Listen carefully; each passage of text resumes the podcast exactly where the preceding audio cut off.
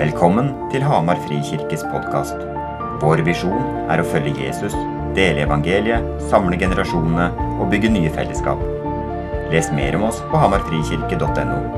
Her er talen fra søndagens gudstjeneste. Ok, vi følger Jesus, vi deler evangeliet, vi samler generasjonene og bygger nye fellesskap. Det er vår visjon, vårt ønske og vårt hjerte som menighet. Men hvordan? Jeg tenker masse på det. Hvordan? Og så kan du sitter der og tenker nei, jeg har ikke tenkt på det i det hele tatt. Men hvordan følge Jesus? Hvordan skal det se ut å følge Jesus? Min måte, øyeblikkelige respons på det er prega av min oppvekst. Og det er å mene rett å gjøre rett. Det er min øyeblikkelige respons. For det er det jeg har vokst opp med. Det som kalles for ortodoksi eller ortopraksi. Gjøre rett, mene rett. Tenk hvis det er et annet utgangspunkt for det å følge Jesus, som ikke innbyr til et liv i strev, men som innbyr til et liv der Jesus sine ord ta mitt åk på dere. Fordi det er lett å bære. Å følge meg skal være lett. Ikke enkelt, men lett. Fordi det er veldig mange, inkludert meg sjøl, som erfarer at det å følge Jesus, det å være kristen, det kan egentlig være ganske slitsomt. Og noen ganger så tror jeg det er mange som erfarer at vet det er mest fristende å bare gi opp hele greia. For det her orker jeg ikke. Jeg blir bare sliten av å være kristen. Jeg tror det er ganske mange som erfarer det. Og så er det mange som erfarer at det å følge Jesus det er null problem. Det faller helt naturlig. Men den teksten som, som Berit leste i stad, og som vi skal lese igjen jeg tror, en, jeg tror det er en nøkkel i den teksten, i det å følge Jesus, som jeg har lyst til å dele med oss. Um, de, mye av det jeg skal si i dag, det er ting jeg har gått og tenkt på som har på en måte vokst fram med meg gjennom det siste året. Så nå skal jeg prøve å ta dere inn i hva som har foregått i huet mitt det siste året. Eh, som staben i Hamar frikirke. Vi har snakka masse om dette, eh, senest på fredag. Så Vi skal lese en tekst og så skal vi snakke om det, og så går vi inn i hvordan ser det ut å følge Jesus? Ok? La oss be først. Hellige Ånd. Akkurat der vi er nå, der møter du oss, og vi ønsker å åpne våre hjerter og vårt, våre tanker, vårt liv, våre følelser, smerte smerter, gleder og erfaringer for deg. Vi ber Gud om at ditt ord skal bli til lys og liv for oss. Amen. Ok, så, så Konteksten for dagens tekst det er det at Jesus er i Jerusalem for å feire det som kalles for tempelinnvielsesfesten, eller hanukka som eh, mange kanskje kjenner. Det er det at eh, syrkongen Antiokos installerte hedenske templer og avguder i tempelet i Jerusalem. Eh, og så ble det rensa og kasta ut ca. 164 år før Kristus. Altså, så 160-70 år før det vi leser nå, så ble tempelet rensa for avguder og innvia på nytt. Og det feires med en ukes fest som kalles for hanukka.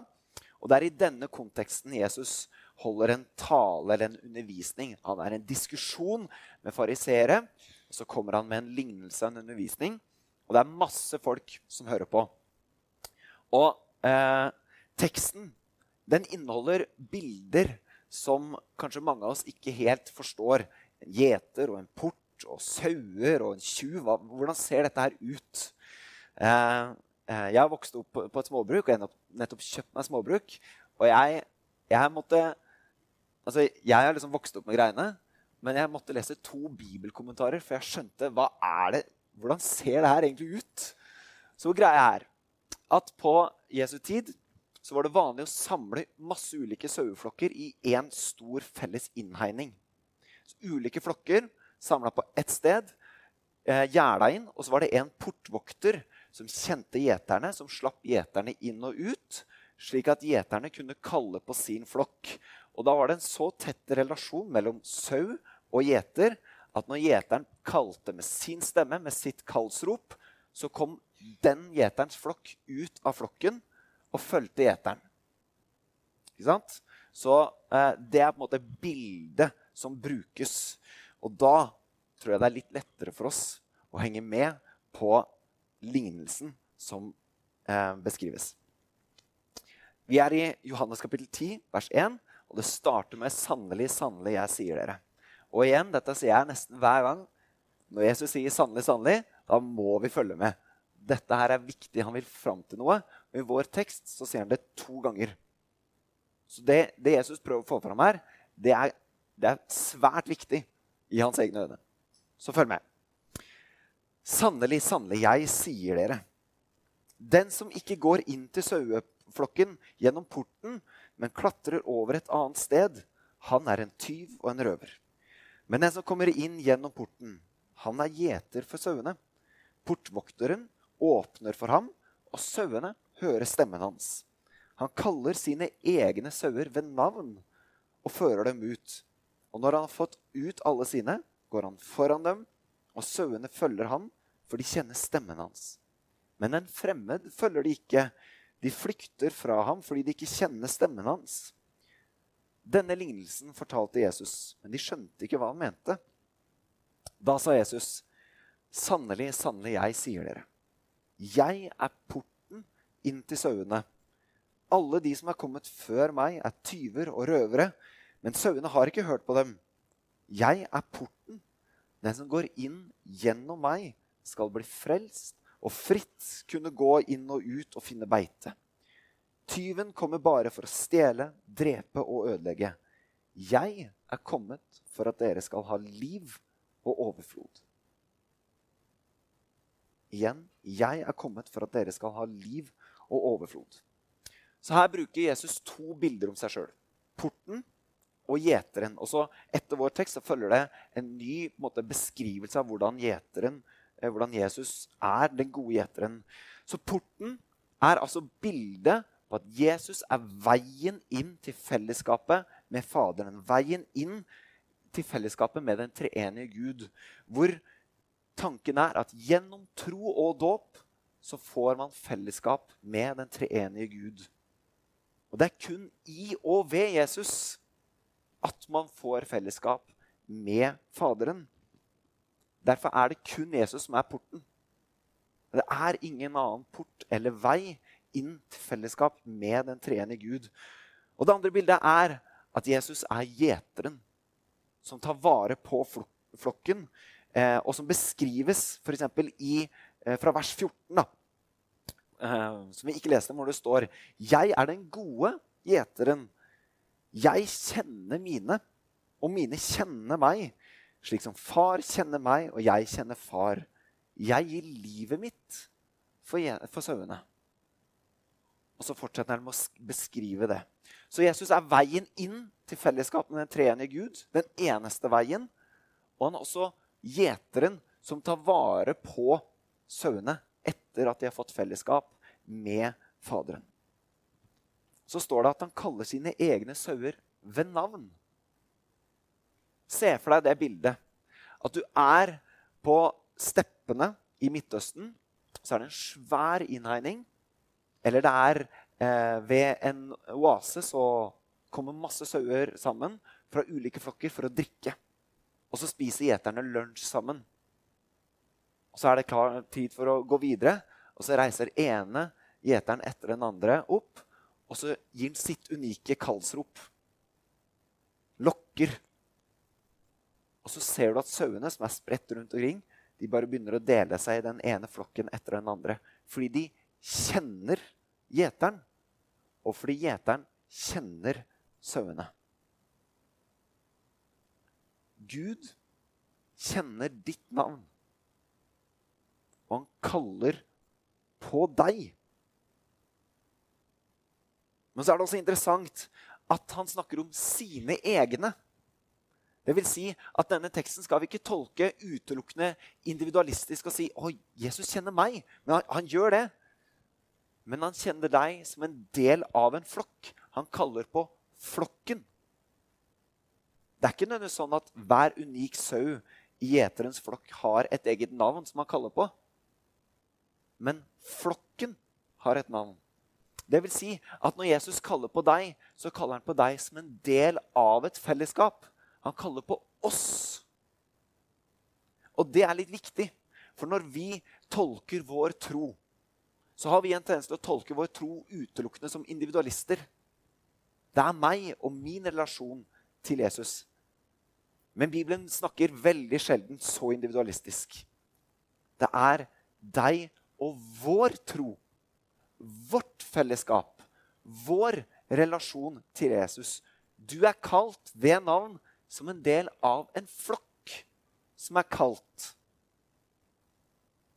Og det er veldig viktig for oss som en del av en hyperindividualistisk kultur å gripe at det handler ikke bare om meg. Det handler om meg som en del av et større fellesskap. Vi, Hamar frikirke, er kalt ved navn slik som alle andre fellesskap og den store verdensvide kirke er kalt ved navn. Og han kjenner oss. Og vi kan gjenkjenne hans stemme. Jeg vil si at vi kan erfare det Janne sier, med at jeg hører at Gud, Gud hvisker noe til meg. Men det kan også vi som fellesskap erfare. Vi kan høre Guds stemme. Hva er det Gud sier til oss? Som fellesskap? Er det et kall eller en tanke over oss? Og deg som en del av det. Og jeg tror at det er et håpsbudskap innen vår tid. Fordi vi trenger fellesskap. Jeg har et leserinnlegg på vei til HA. Jeg har ikke sendt det ennå. Hvor jeg skriver om at eh, kontrasten av at vi har alle hørt den herre It takes a village to raise a child. Altså, vi trenger fellesskapet for å oppdra barna. Men så sitter jeg der og kjenner at nei, men jeg trenger jo fellesskapet. It takes a village to live, to survive, to thrive. Jeg trenger fellesskapet. Og i møte med, eh, i møte med covid sin isolasjon og ensomhetserfaringen Storbritannia har en egen ensomhetsminister. Var dere klar over det? Det sier litt. Jeg trenger å være en del av et oss. Fordi vi kalles ved navn av gjeteren. Og som jeg sa forrige uke alle er viktig i den flokken. Og så står det at gjeteren Jesus er kommet for at vi skal ha liv og overflod. Og der tror jeg det er mange som blir desillusjonert. Når kristenlivet er noe herk, eller livet er kjipt, da kan det være vanskelig å få høre at ja, men du skal jo erfare liv og overflod. Det kan jo virke kjempeparadoksalt. Ja, men Det Gud sier at jeg skal erfare, det erfarer jeg ikke på noe som helst måte. Og det tror jeg det er ganske mange som erfarer opp igjennom livets, eh, livets gang. da. Enten man er tenåring eller småbarnsforelder som er dritsliten. Eller pensjonist som har slutta å jobbe. Hva vil det si at Jesus kom for at vi skal ha liv og overflod? Det spørsmålet har jeg tenkt utrolig mye på det siste året. Fordi jeg skjønner det ikke. Eller kanskje jeg skjønner det litt mer nå. Jeg veit ikke. Men hva betyr det at Jesus kom for at vi skal ha liv og overflod? Og bare for å si det overflod skal ikke tolkes materialistisk. Bare så det er sagt. Det handler ikke om at vi skal ha et bekymringsløst liv med matt penger og, og alt på stell. Det er ikke det det handler om. For det første, når han sier 'Jeg er kommet for at dere skal ha liv og overflod', så sier han 'Jeg er kommet'. Og det Johannes gjør her, er at han knytter historien om Jesus inn i hele Israels historie. Og Johannes ikke sant, starter jo med skapelsesberetningen på sin måte. Um, I kapittel 1 han knytter hele fortellingen inn i den verdensvide fortellingen. I begynnelsen var ordet. Akkurat som at det står i skapelsesberetningen 'i begynnelsen'. Så 'jeg er kommet' er historien om Jesus og historien om hele israelsfolket og Guds historie med hele sitt skaperverk. 'Jeg er kommet' er historien, fortellingen om Jesus, slik Johannes forteller den, om at enhver, hver den som tok imot Jesus, som han sier i kapittel 1, fikk retten til å være Guds barn. Ved troen, ved dåpen, så får man fellesskap med Faderen og tas inn i Guds rike. Og så sier Johannes senere, i kapittel 17, at det evige liv er å kjenne Faderen. Hva betyr det at det evige liv ikke knyttes opp mot hva som skjer etter døden? Som vi ofte har en tendens til å tenke, som jeg sier ofte. ikke sant? Men at evig liv er noe relasjonelt her og nå med Han som har skapt oss. Dette er for meg veldig abstrakt og, og vagt. Men kanskje er det noe av det mest konkrete. Fordi det sier noe om min relasjon med Han som har skapt meg. Og at det er relasjonen som er det evige liv. Relasjonen, Da må vi ikke nødvendigvis tenke den store åndelige erfaringen. Det kan være det også. Men relasjonen er at jeg er virkelig, på helt ekte, et Guds barn. Når jeg i troen og dåpen tar imot Jesus. Jeg klarer ikke synge eller lovprise. Jeg klarer ikke erfare. Jeg klarer ikke skjønne. Jeg kjenner bare på angst og stress da kan kontrasten bli veldig Ja, men dere skal få liv og overflod. Og jeg tror det handler om å begynne å sette ord på noen av disse tingene. Både sette ord på ens egen erfaring av hva som er kjipt, og hva som er godt. Men knytte troen opp mot ikke det abstrakte som skal foregå etter at vi dør, men knytte troen opp mot en relasjon. Og så er spørsmålet hva er overflod? Hvis livet er å kjenne Gud, hva er da overflod? I en del engelske oversettelser så brukes begrepet 'life and life to the full'. For overflod har vi en til å tenke så veldig sånn der, igjen materialistisk. Men hvis overflod egentlig bare er et begrep som beskriver livet i relasjon med Gud At relasjonen, det å kjenne Gud, er et liv som er helt som er fullt. Ikke som er bekymringsløst og smertefritt, men et liv slik livet egentlig, etter Guds opprinnelige tanke, skulle være. Et liv som er et helt liv. Og hvem er det som har vist oss hvordan det ser ut? Og det er Jesus. Jesus har vist oss hvordan et liv i overflod, hvordan det å kjenne Faderen, ser ut. Og der kommer jeg tilbake til det jeg spurte om først. Kanskje utgangspunktet er det for troen, og ikke rett mening eller rett handling. Men at det å tro handler om å kjenne først. Og hvordan skal vi kjenne? Hvordan skal vi komme dit at vi kjenner? Og jeg tror gjeteren og sauen hjelper oss der. Hva er det gjeteren gjør? Gjeteren leder sauene til mat, til vann og til hvile. Slik at det å kjenne Gud, hvordan vi skal få erfare det, da, eller forstå det, handler om mat, vann og hvile. Mat. Jesus snakker om i Matteus at eh, mennesker lever av hvert ord som kommer ut av Guds munn. Jeg tror mat for meg i min relasjon til Gud er bl.a. ordet. Jeg tror det er et eller annet når jeg leser dette, når jeg hører dette, når jeg eksponeres for disse ordene, så gjør Den hellige ånd disse ordene til mat og liv for meg.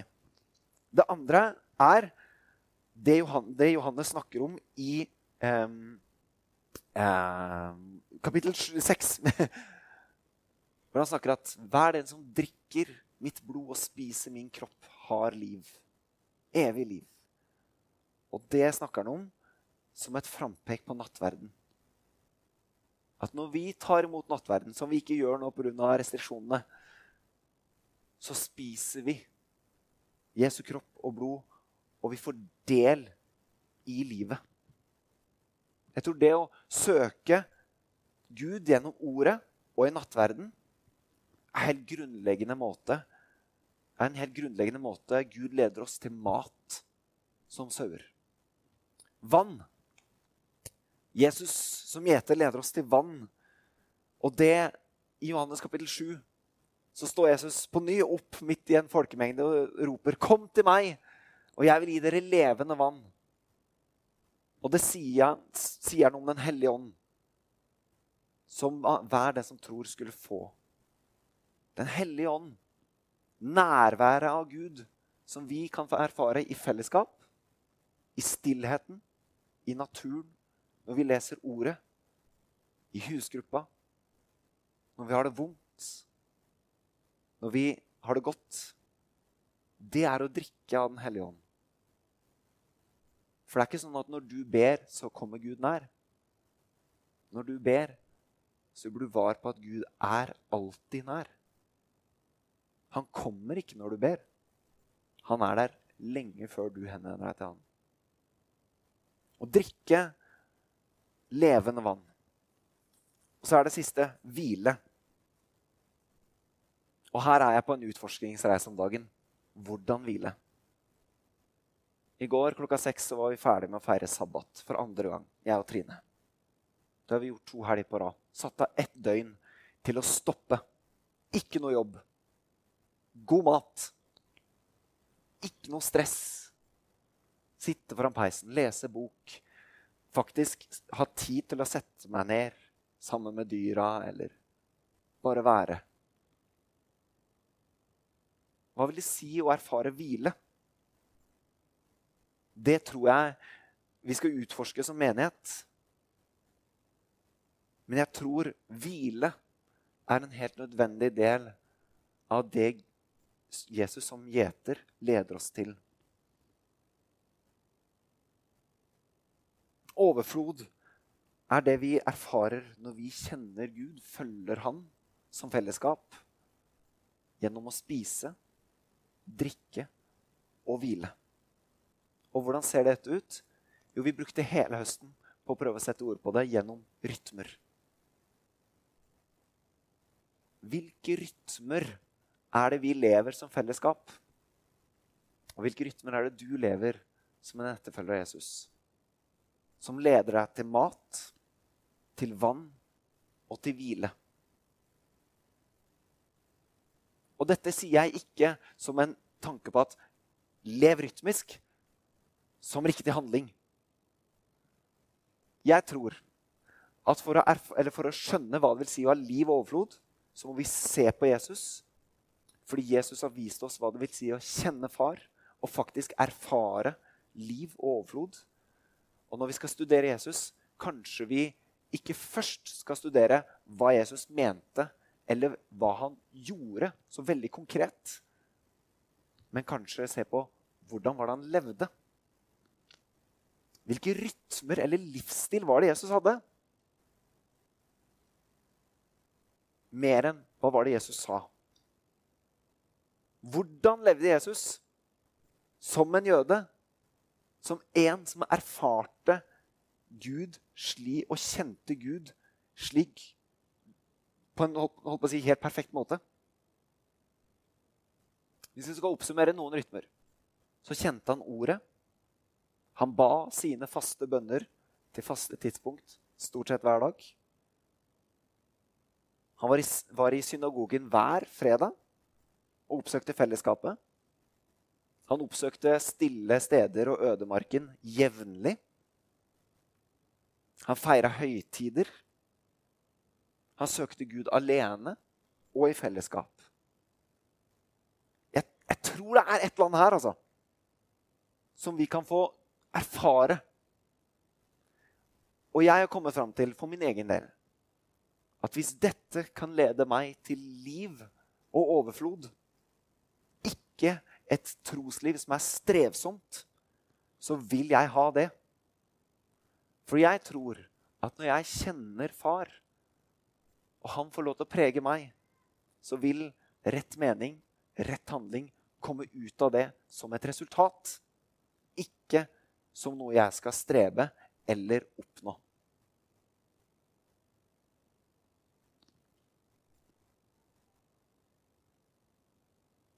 Vi følger Jesus i rytmer, er det jeg har satt som overskrift over talen i dag.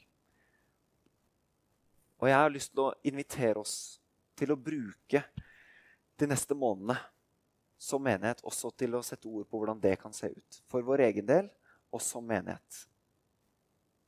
Hvordan ser det ut i vårt liv å følge Jesus? Vi følger Jesus i rytmer for å erfare liv og overflod. Ikke for å være perfekte mennesker. For å erfare liv og overflod. Jeg har prøvd å sette ord på noen kontraster i møte med hvordan vi erfarer livet, og hva slags visjon jeg tror Gud tegner for et liv i etterfølgelse av Han. Et liv i liv og overflod. Eller en tro som fører til liv og overflod. Jeg har lyst til å utfordre oss på å tenke på den setningen i løpet av neste uka. Erfarer jeg liv og overflod? Som en helt ærlig refleksjon. Og så kan det være at du sitter der og kjenner at nei, det gjør jeg ikke i det hele tatt. Det her synes jeg er, det er skikkelig kjipt. Og da har jeg lyst til å invitere deg til forbønn etterpå. Og sette ord på det. Vet du, Akkurat nå er det skikkelig strevsomt å tro. Og det er helt greit.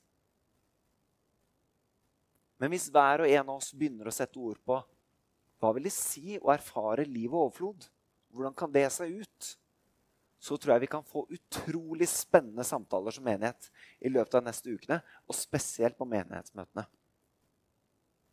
Hvis det kan være en visjon for det å følge Jesus, liv og overflod, da tror jeg vi kan dykke inn i noen sannheter av det å erfare Gud, som setter oss fri, som, som lar oss kjenne Faderen slik han dypest sett kan la seg kjenne.